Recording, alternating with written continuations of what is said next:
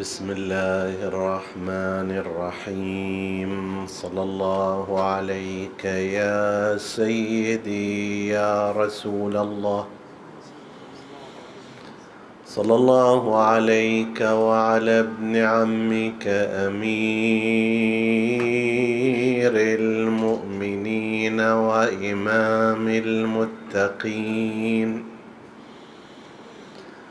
صلى الله عليك يا سيدي وعلى أهل بيتك الطاهرين. صلى الله عليك يا أبا عبد الله الحسين. ما خاب من تمسك بكم وأمنا من لجأ إليكم. يا ليتنا كنا معكم فنفوز فوزا عظيما. عطروا مجالسكم بذكر محمد وآل محمد صل وسلم على محمد وآل محمد اللهم صل وسلم على محمد وآل محمد اللهم صل صل وسلم على محمد نتناول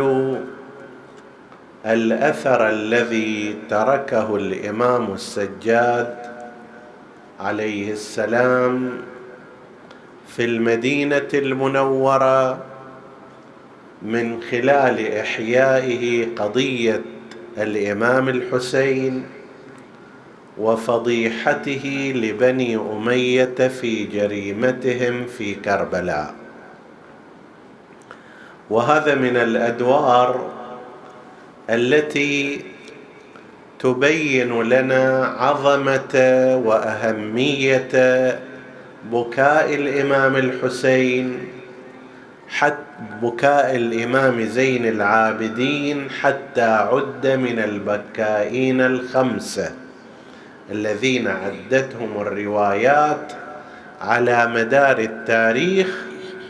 أحد هؤلاء البكائين كان الإمام زين العابدين عليه السلام في الجهتين جهة البكاء من خشية الله عز وجل وجهة البكاء على مصيبة والده ومن استشهد معه في كربلاء.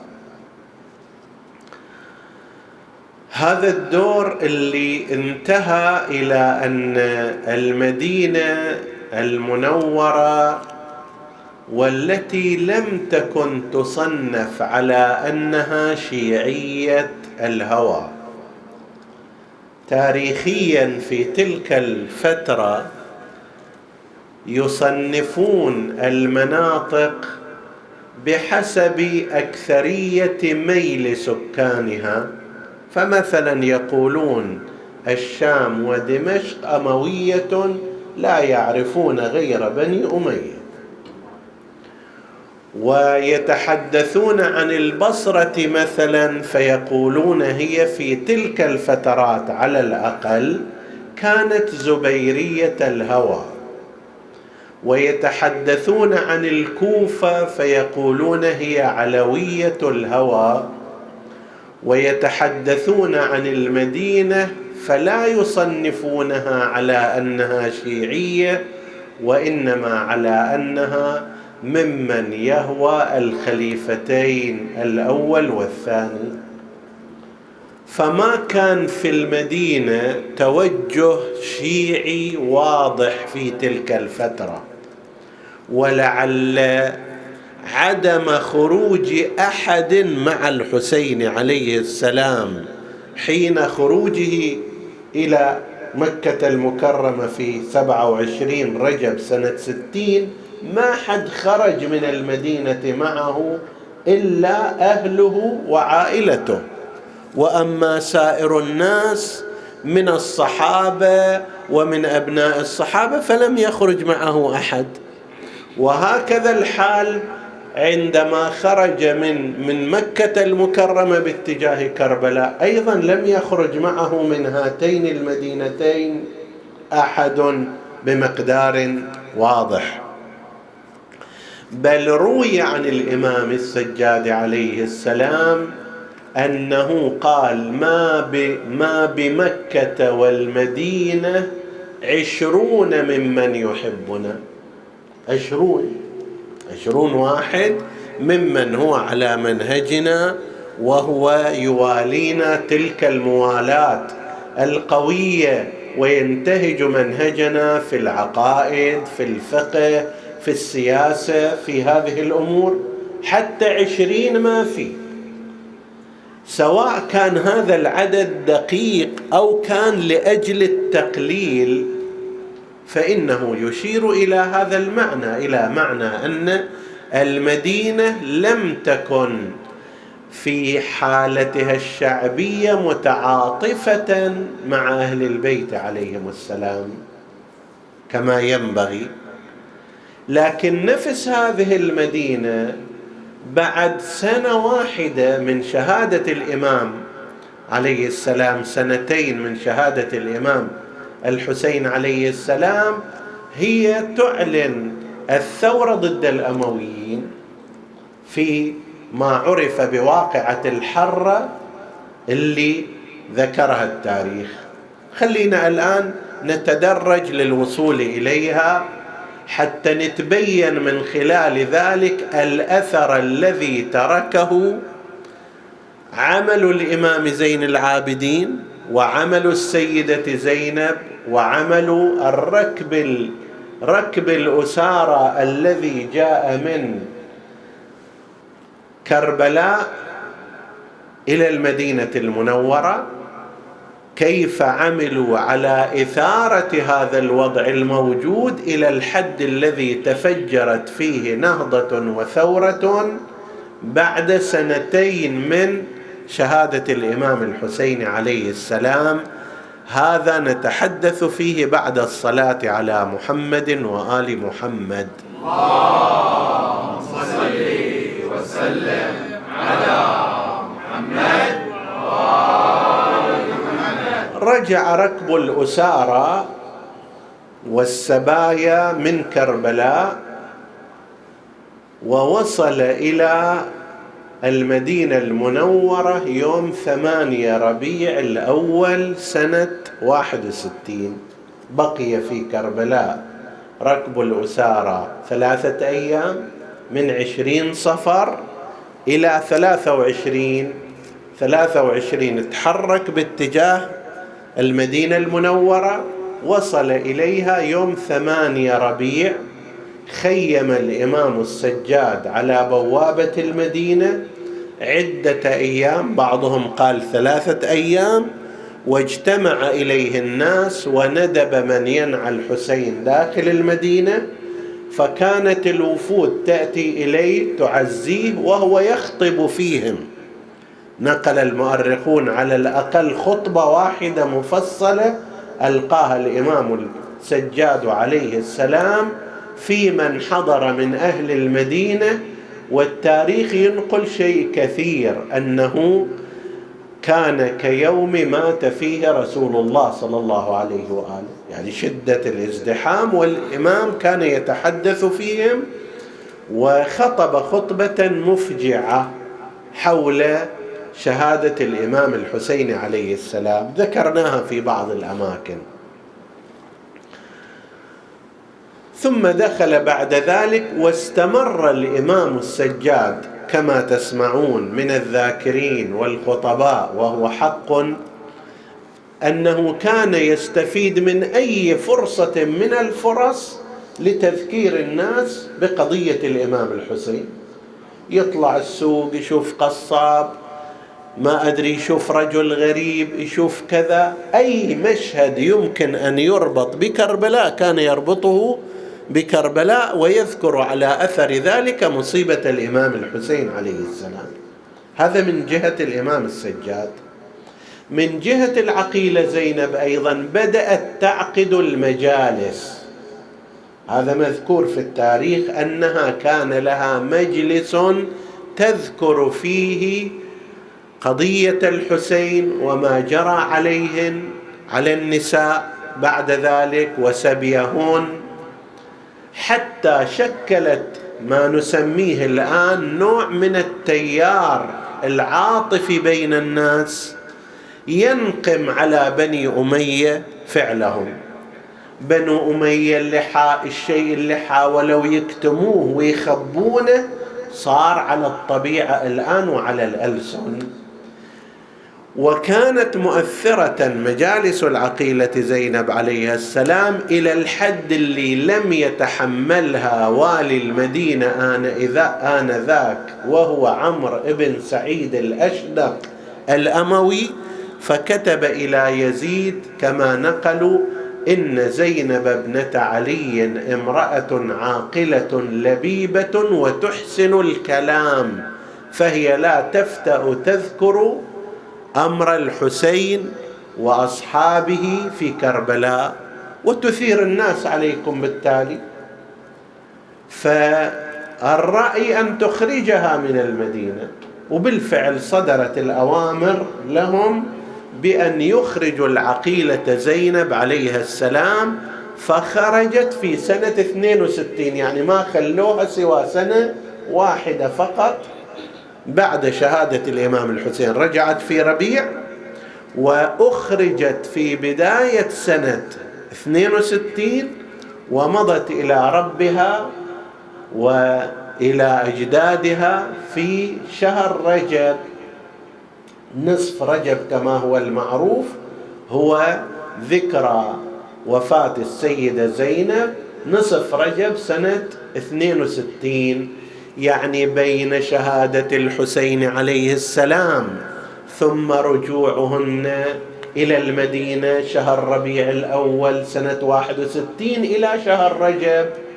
أقل من سنة ونصف بقيت أخرجت قبل وفاتها بفترة كافية ربما شهر أو نحو ذلك من الزمان و ذهبت إما على رواية الشام أو إلى مصر. هذا بحثه يجي عند الحديث حول موضوع السيدة زينب ووفاتها والرأي الأكثر على أنها أخرجت إلى بعض ضواحي الشام مكان الست زينب الآن المعروف.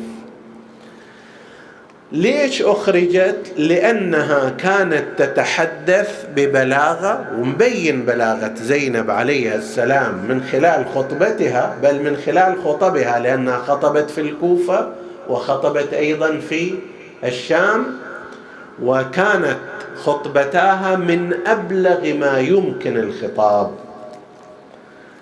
فاذا هذا وذاك تعاضد كلام الإمام زين العابدين بكاؤه وخطابات العقيلة زينب ومجالسها في أنها شكلت أرضية لحركة الناس في المدينة. فصار نوع من الغليان نوع من التحرك أصبح الواحد منهم يخبر الثاني بما سمعه ورآه. وهاي قضية كربلاء أصبحت على الألسنة. على أثر هذا على أثر هذا أراد الوالي والي بني أمية في المدينة المنورة عمرو بن سعيد الأشدق وقيل محمد وقيل عثمان ابن محمد ابن أبي سفيان. لأن هذول يبدلوهم ويغيروهم أحيانا بالسنة والسنتين.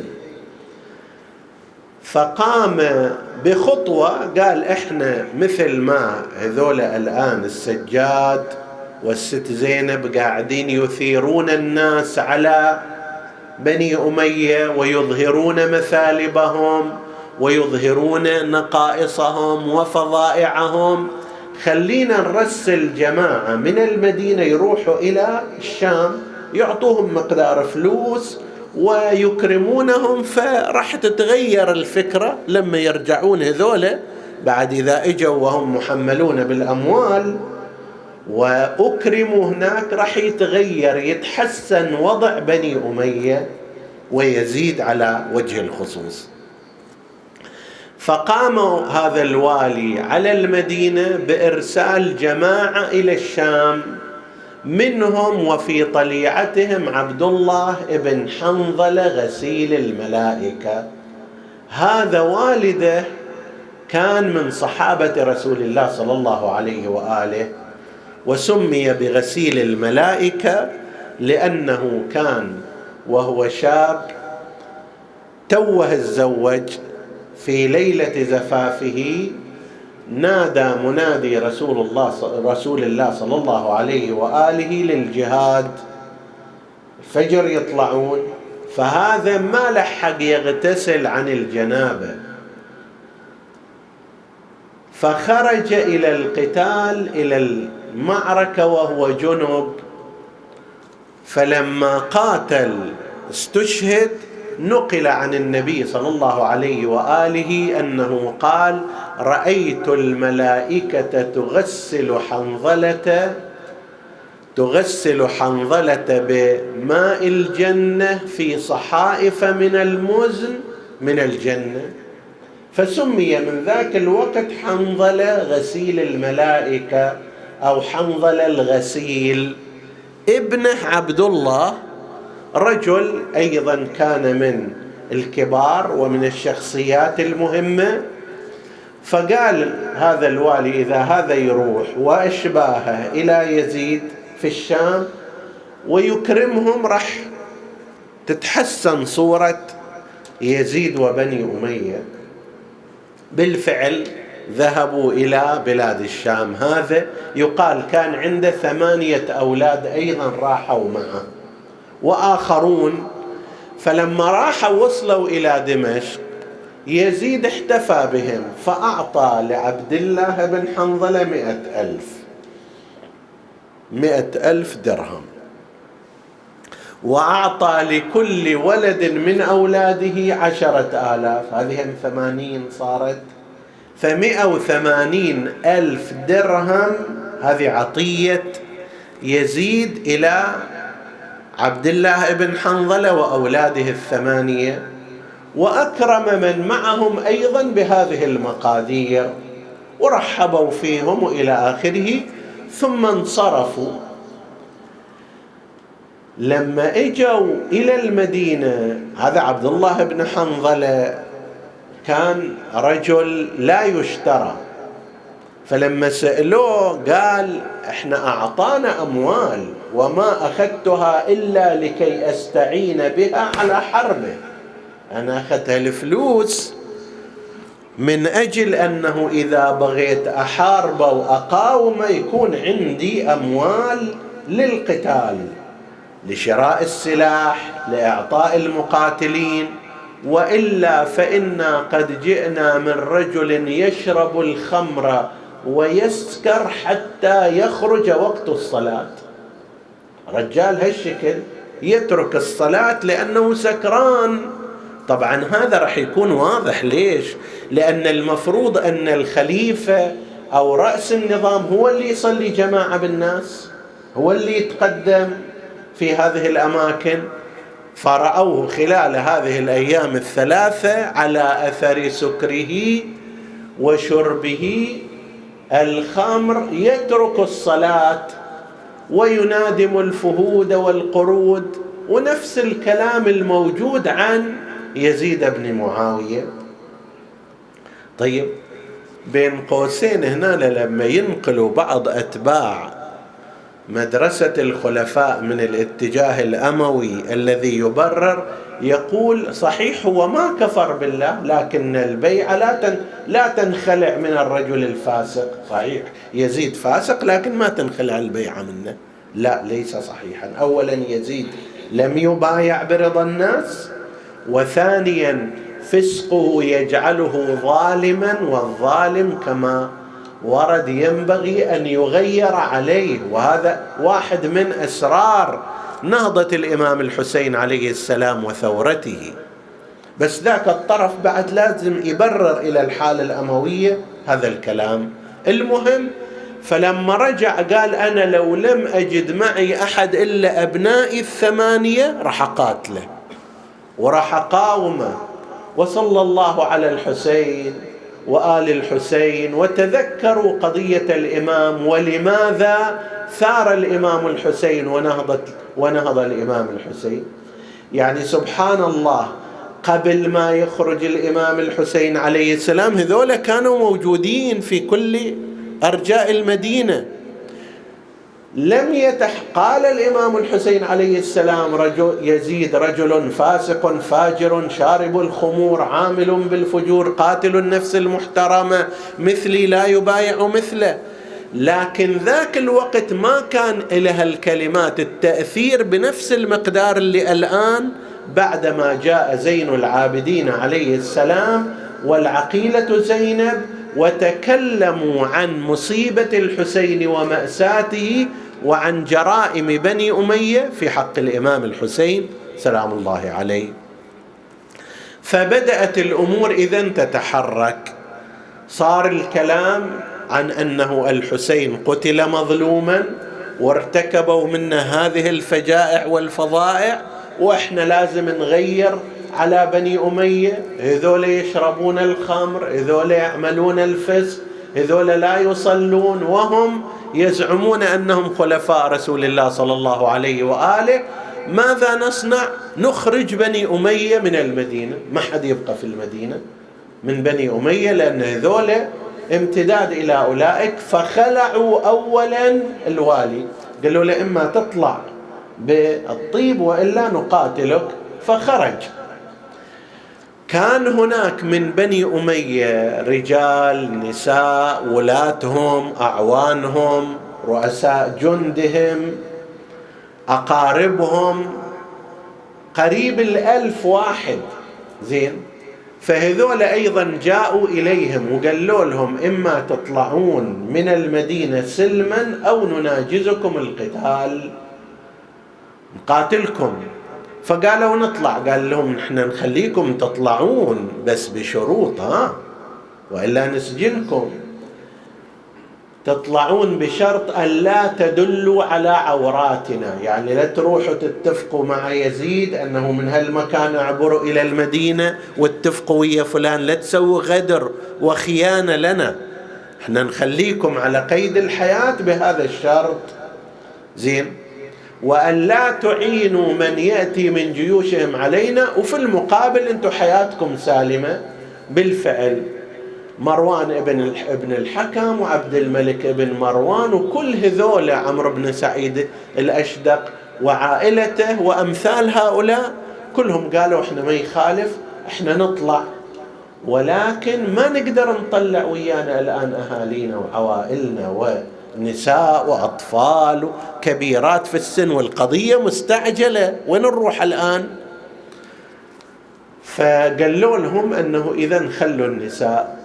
عندما تخلون النساء قالوا نجعلهن عند زين العابدين عليه السلام.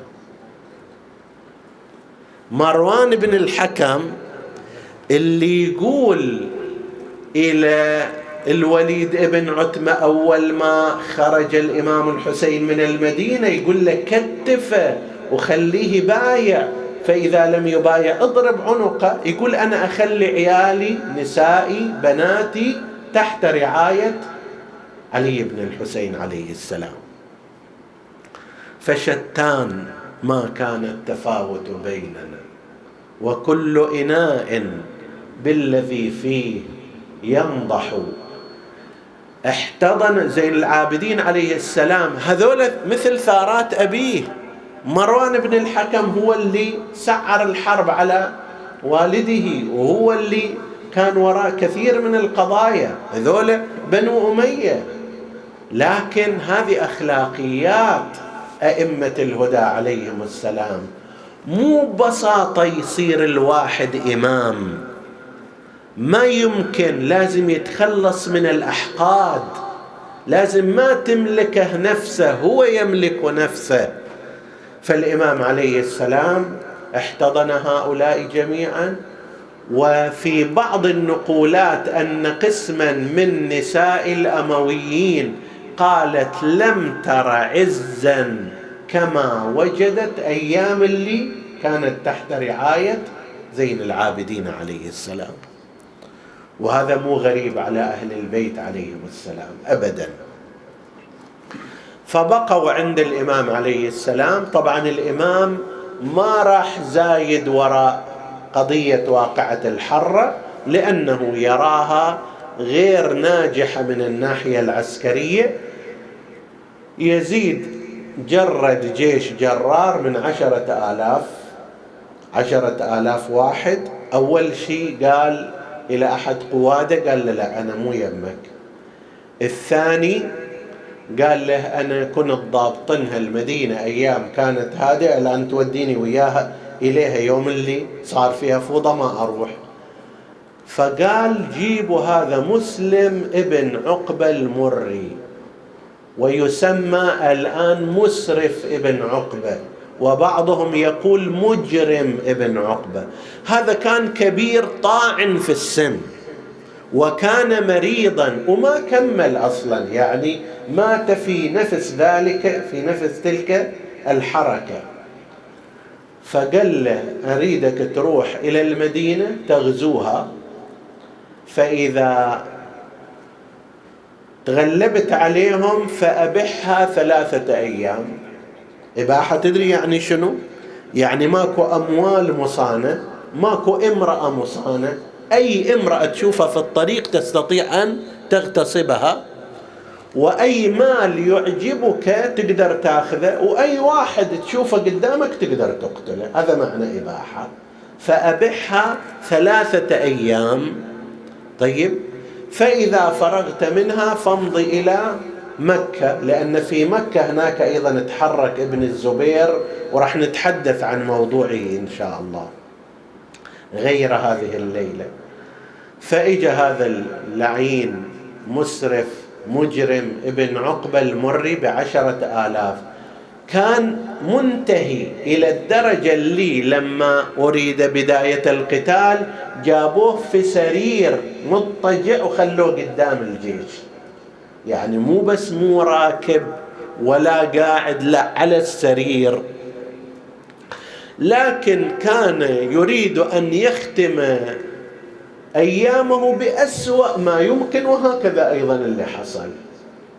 طبعا عشرة آلاف واحد جايين من الشام معبئين بالحقد في مقابلهم لعله 300 400 مقاتل.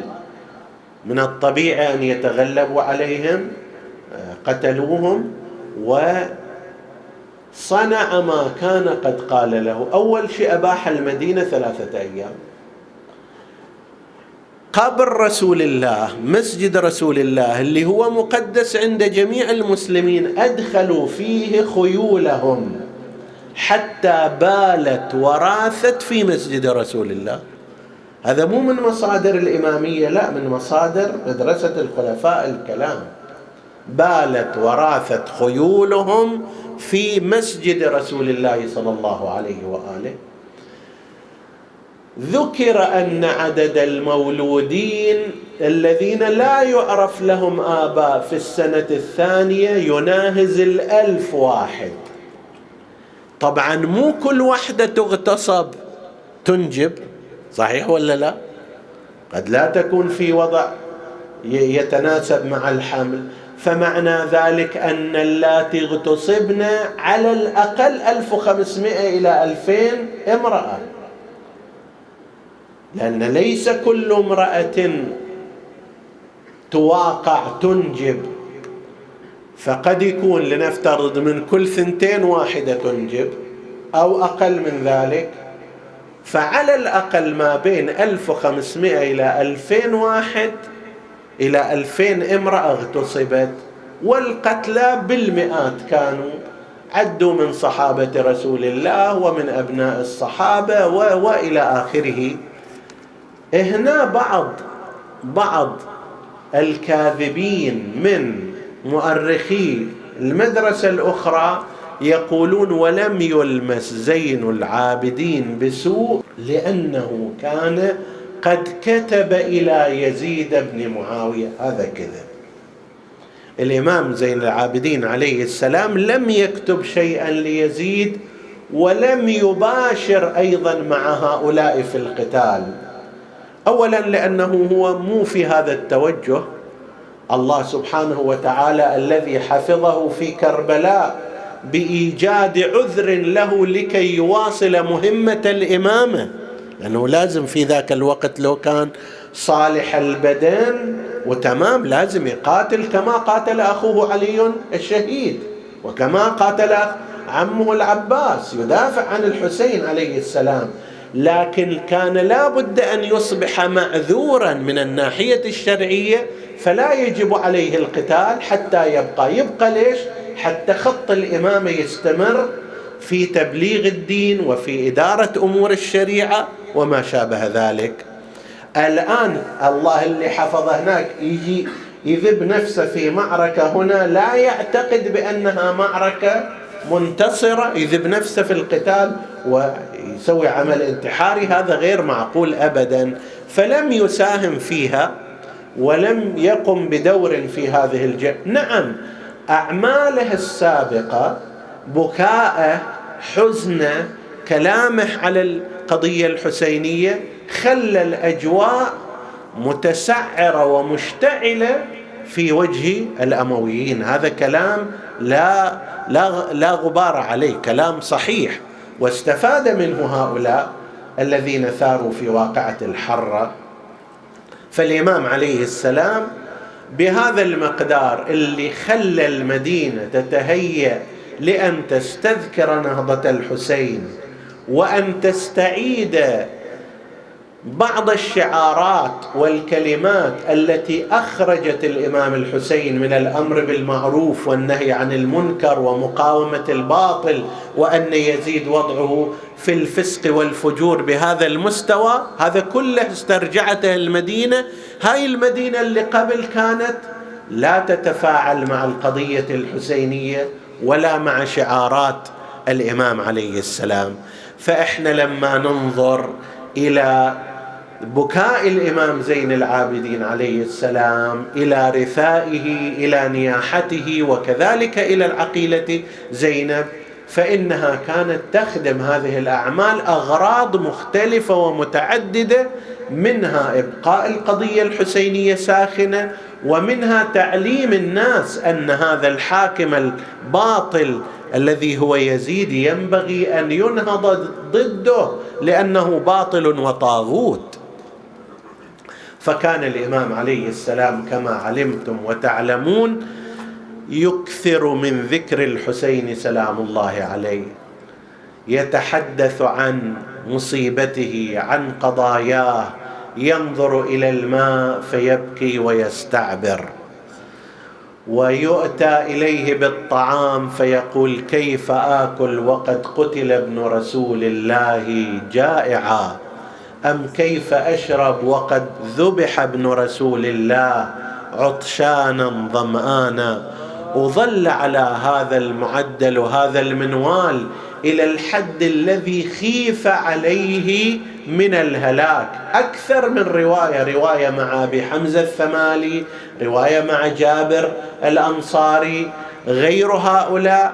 منها هذه الرواية أن فاطمة بنت الحسين أخت الإمام السجاد عليه السلام جاءت إلى جابر بن عبد الله الأنصاري وقالت له يا جابر وهو مخلص جابر بن عبد الله مخلص في ولاء أهل البيت قالت له يا جابر إن لنا أهل البيت عليكم حقا برسول الله. قال بلى فماذا تريدين؟ أنتم اصحاب حق علينا. لازم نأدي فشنو تريدين من عندي؟ قالت له هذا علي بن الحسين. بقية آبائه يكاد يتلف نفسه هما وحزنا وكمدا على أبيه الحسين. فلو جئت اليه وتحدثت معه لعله يترك ذلك. فجاء جابر بن عبد الله الأنصاري وقال له يا يا ابن الحسين البقيا على نفسك. الله الله في نفسك. أراك تتلف نفسك غما وكمدا وحزنا وأنت بقية الماضين. فقال له يا جابر لا والله لا أزال على هذا. فإن يعقوب النبي غيب الله عنه واحدا من ولده من اثني عشر ولدا غيبه عنه وهو حي على قيد الحياة. فابيضت عيناه من الحزن فهو كظيم. واشتعل رأسه شيبا وأنا رأيت أبي وأخي. وعمومتي وأبناء عمومتي مجزرين مجزرين على الرمضاء ضحايا. لا والله لا أترك هذا حتى أرد على رسول الله. وظل بأبي وأمي هكذا على هذه الحال.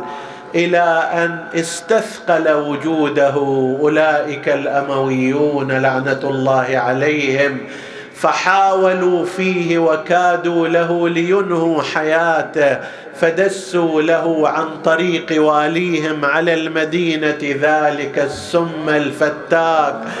فلما صار في أحشاء الإمام فتك ببدنه وأضعف قواه.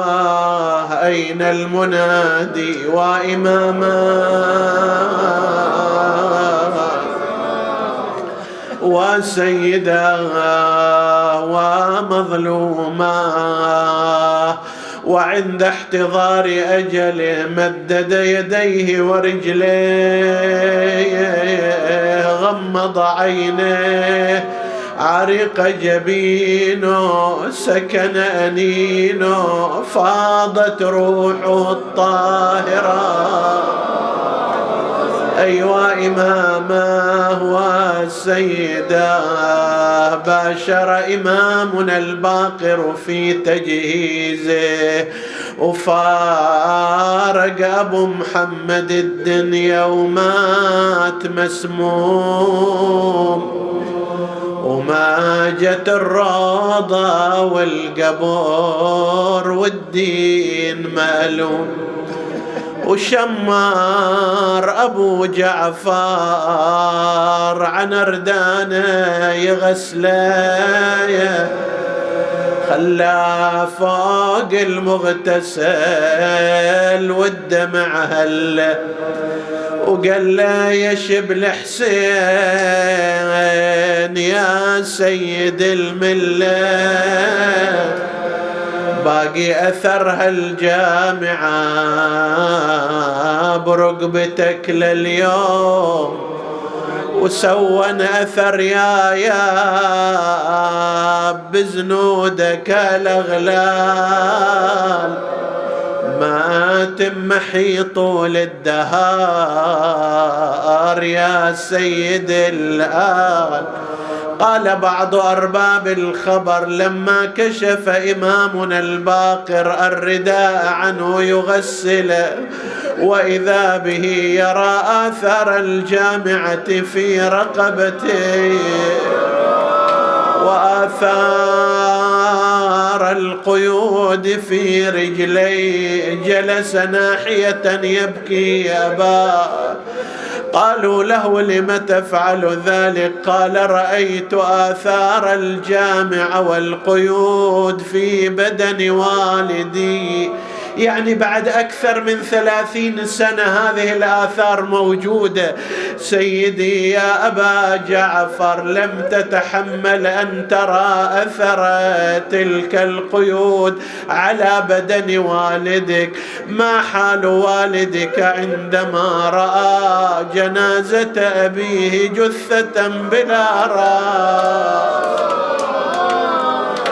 مقطوع الخنصر مجرح الأعضاء.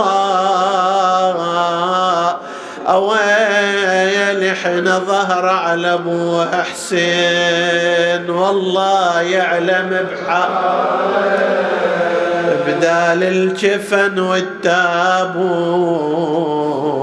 لف بارية وشال ولم الجسد المقطع وجمع جملة وصار عجب من على قبره قلبه من شطر شطره. لو قلنا الجسد لما وجاب الخنصر المقطوع.